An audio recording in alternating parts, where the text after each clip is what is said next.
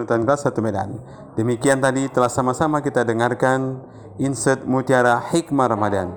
Insya Allah dapat menambah wawasan keislaman kita dalam memelihara pahala puasa kita selama di bulan Ramadan. Assalamualaikum warahmatullahi taala wabarakatuh.